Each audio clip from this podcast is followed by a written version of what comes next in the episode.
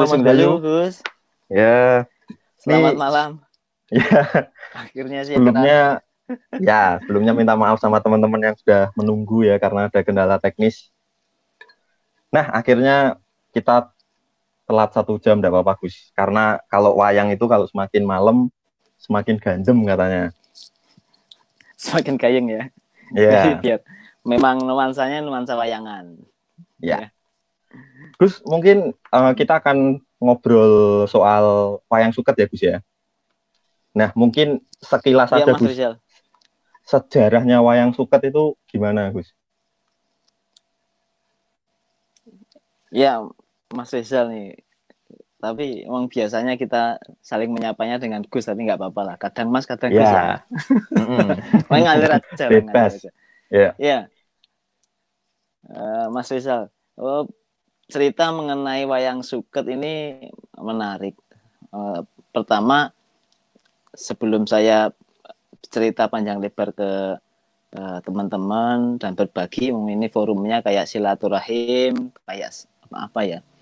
Kalau orang Jawa itu menyebutnya sarasehan. Sarasehan itu Hmm. dari tembung sak roso asihan.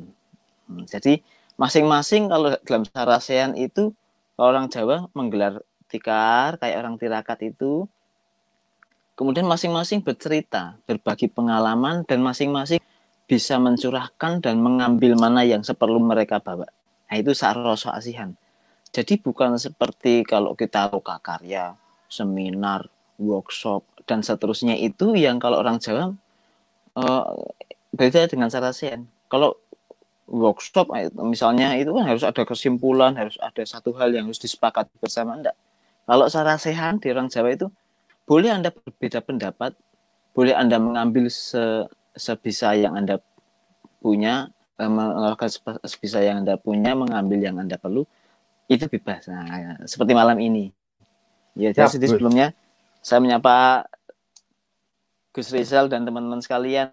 Wilujeng Dalu, salam budaya, salam kreatif untuk kita semua meskipun masa saat ini kita sedang berupaya untuk bangkit kembali eh, dalam nuansa yang eh, ini ya banyak teman-teman, banyak saudara-saudara, sedulur-sedulur kita yang eh, mendapatkan eh, ujian, sakit dan banyak yang eh, berupaya untuk sehat. Semoga kita selalu dalam lindungan Gusti Allah Subhanahu wa taala. Ye. Amin, amin. Rayu, rayu. Berkait dengan itu tadi yang ditanyakan oleh Gus Rizal yaitu eh, pengantar nih ceritanya Pengantar, wayang ya. suket itu gimana sih kan gitu. Ye. Iya, sejarahnya Ya wayang Gus. suket itu awalnya kalau wayang itu dulu eh, munculnya lahirnya itu di eh, keraton gitu ya. Karena itu budaya budaya yang dilahirkan dimunculkan dari keraton untuk mencoba eh, mereka senang untuk selalu berhubungan silaturahim bahkan dengan leluhur yang sudah meninggal dunia. Bahkan karena mereka itu ini kan dulu wayang wayang itu dikreasikan oleh Sunan Kalijogo dan para sunan-sunan lainnya. Nah, itu mengkreasikan dan ada sebenarnya sebelum Sunan Kalijogo itu ada wayang, ada su- sudah ada wayang-wayang itu di zaman di zaman eh, apa namanya? Prabu Erlangga dan dan bangsa-bangsa yang di zaman Borobudur itu sudah ada. Jadi mereka itu berkomunikasi, mereka memunculkan pewayangan ya munculkan wayangan itu sebagai upaya untuk perwujudan leluhur mereka gitu. Nah, Hmm. maka ada nyadran, ada itu kan Hmm, oke. eh, seperti eh, ritual sadre ya, nyadran. Maka namanya sasi wah, ngeluru arwah. Hmm, Ngeluru mencari mengingat kembali arwah nenek moyang. hmm, Nah, oke. Dari situ kemudian wayang memunculkan nuansa itu Hmm, dan karena wayang dibuat dari kulit dengan penyu hmm. itu dengan sanggit hmm. dengan berbagai bahkan itu syarat dengan kode-kode ya semiotis kalau kalau secara Eropa dan Amerika semiotika dan semiologi itu orang Jawa itu sasmito ilmu hmm. sasmito pralambang ya sebenarnya kita juga punya ilmu semiotika ya, di Jawa itu sasmito itu nah itu kemudian dimunculkan dan saat itu wayang digemari gitu Gus eh. karena digemari itu kemudian bagaimana mereka akan bisa memainkan mereka akan bisa ter ter terus menonton itu padahal tidak sembarang waktu orang bisa menonton karena tentu saja pakai banyak gamelan, pakai wayang, pakai hmm. sinden dan seterusnya.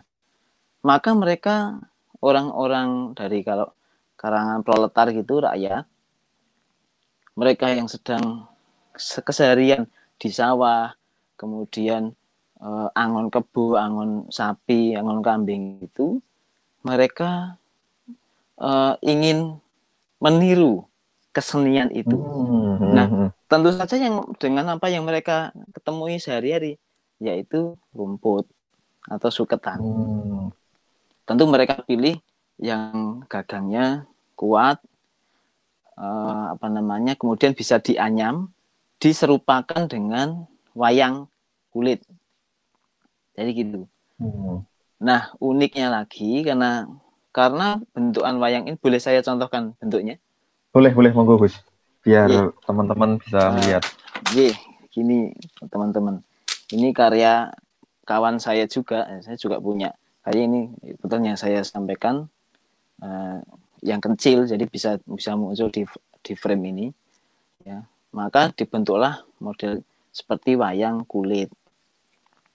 Nah, ini uniknya kalau di wayang kulit itu ya tokoh Gatot Kaca ya seperti itu tokoh Werkudara Bima ya seperti itu, Rama ya seperti itu, uh, Janoko seperti itu. Tapi kalau di wayang suket bisa saja. Ini dalam cerita ini saya sedang menceritakan ini sebagai Abimanyu juga boleh, gitu kan.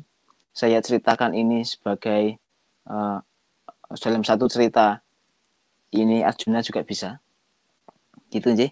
Meskipun oh, berarti, pada pengembangannya uh, sekarang ini berarti di satu wayang itu bisa menjadi beberapa karakter ya. Beda dengan wayang kulit yang bisa. ya Arjuna itu seperti apa Gatot Kaca itu seperti apa gitu. Sedangkan wayang suket itu betul. bisa mewakili banyak karakter ya.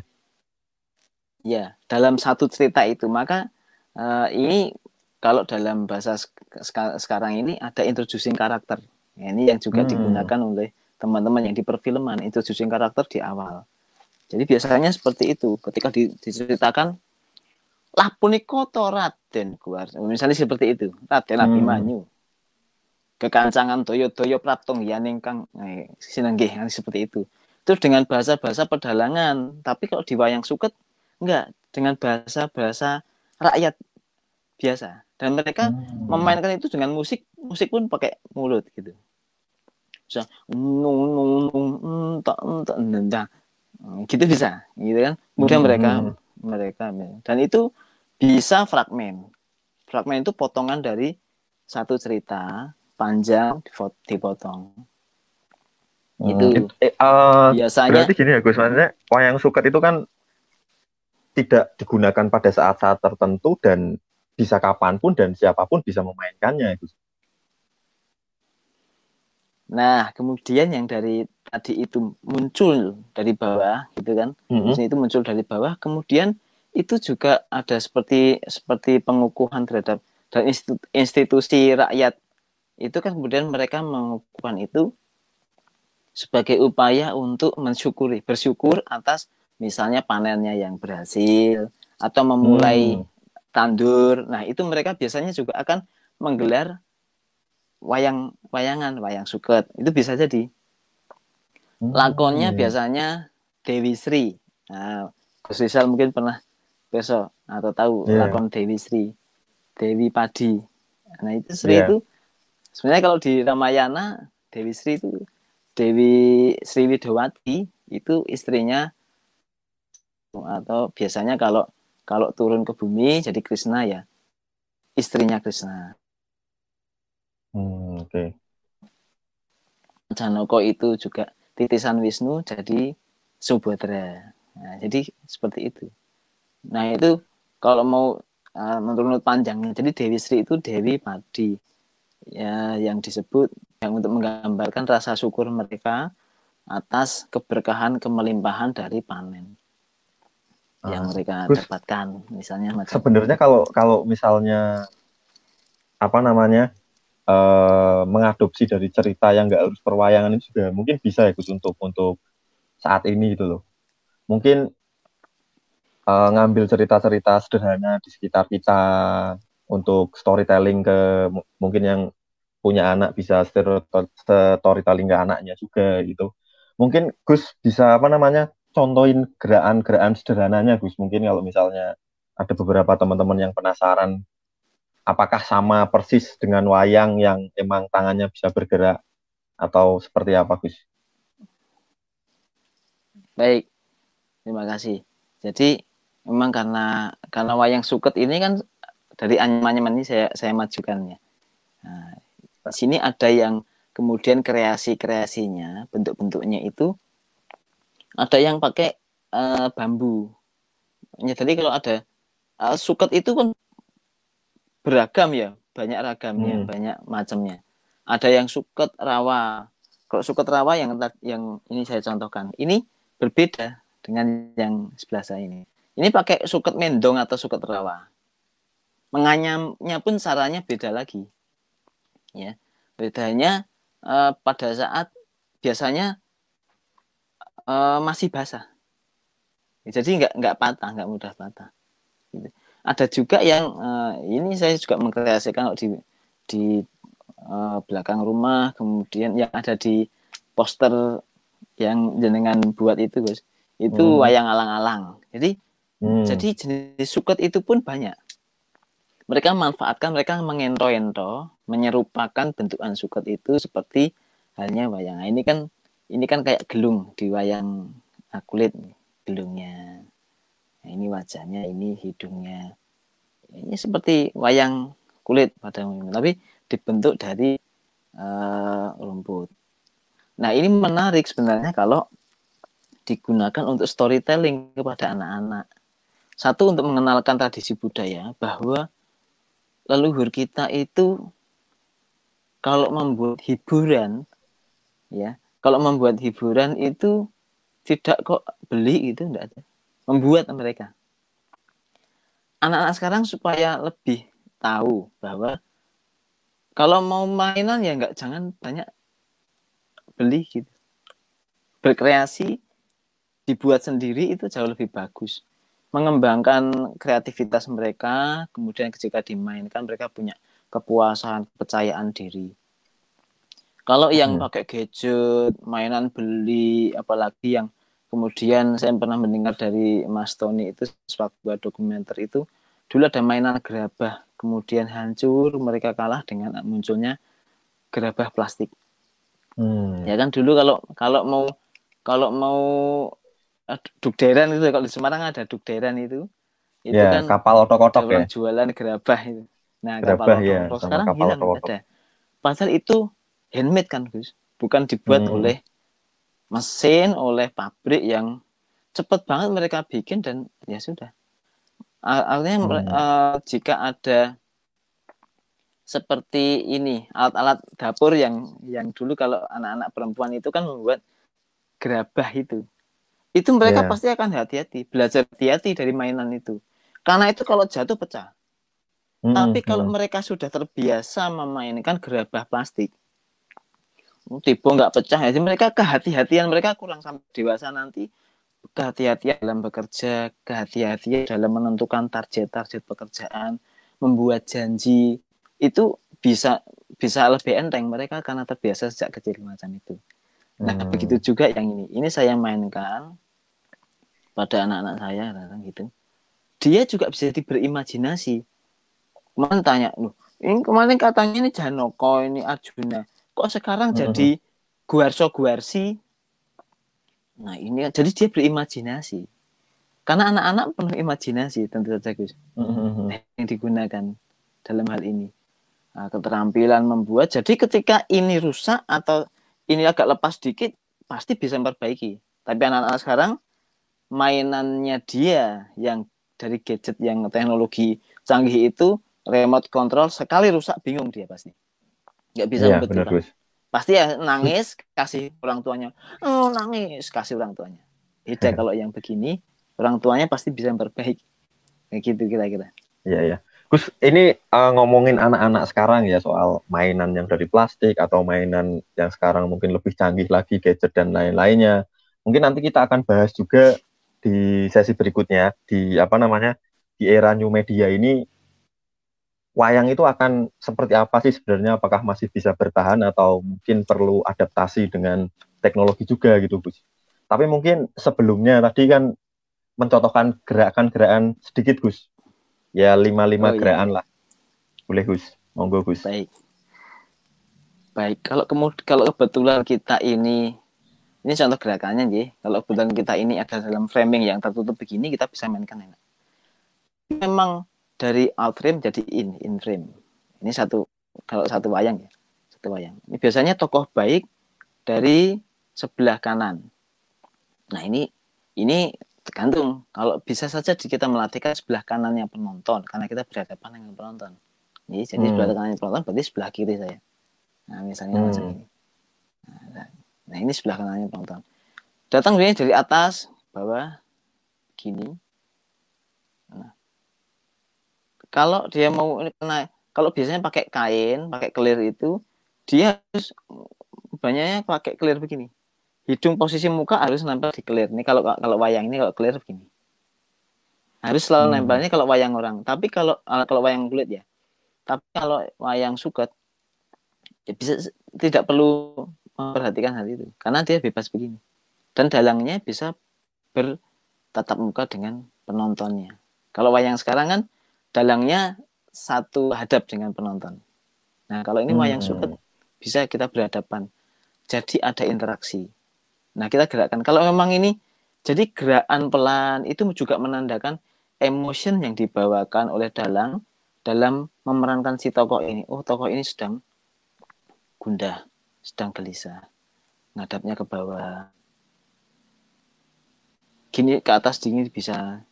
Ya misalnya macam itu jadi kita juga harus tahu horizonnya. Nah ini ini bawah batas bawah ini namanya kan ini bantolo. Bantolo itu bumi. Bantolo. Hmm. jadi kalau kita ah, ah, ah, asal begitu tidak bisa juga. Karena kita juga lihat keindahannya estetika dari ini. Nah, nah kalau bertemu set nah, tinggal set.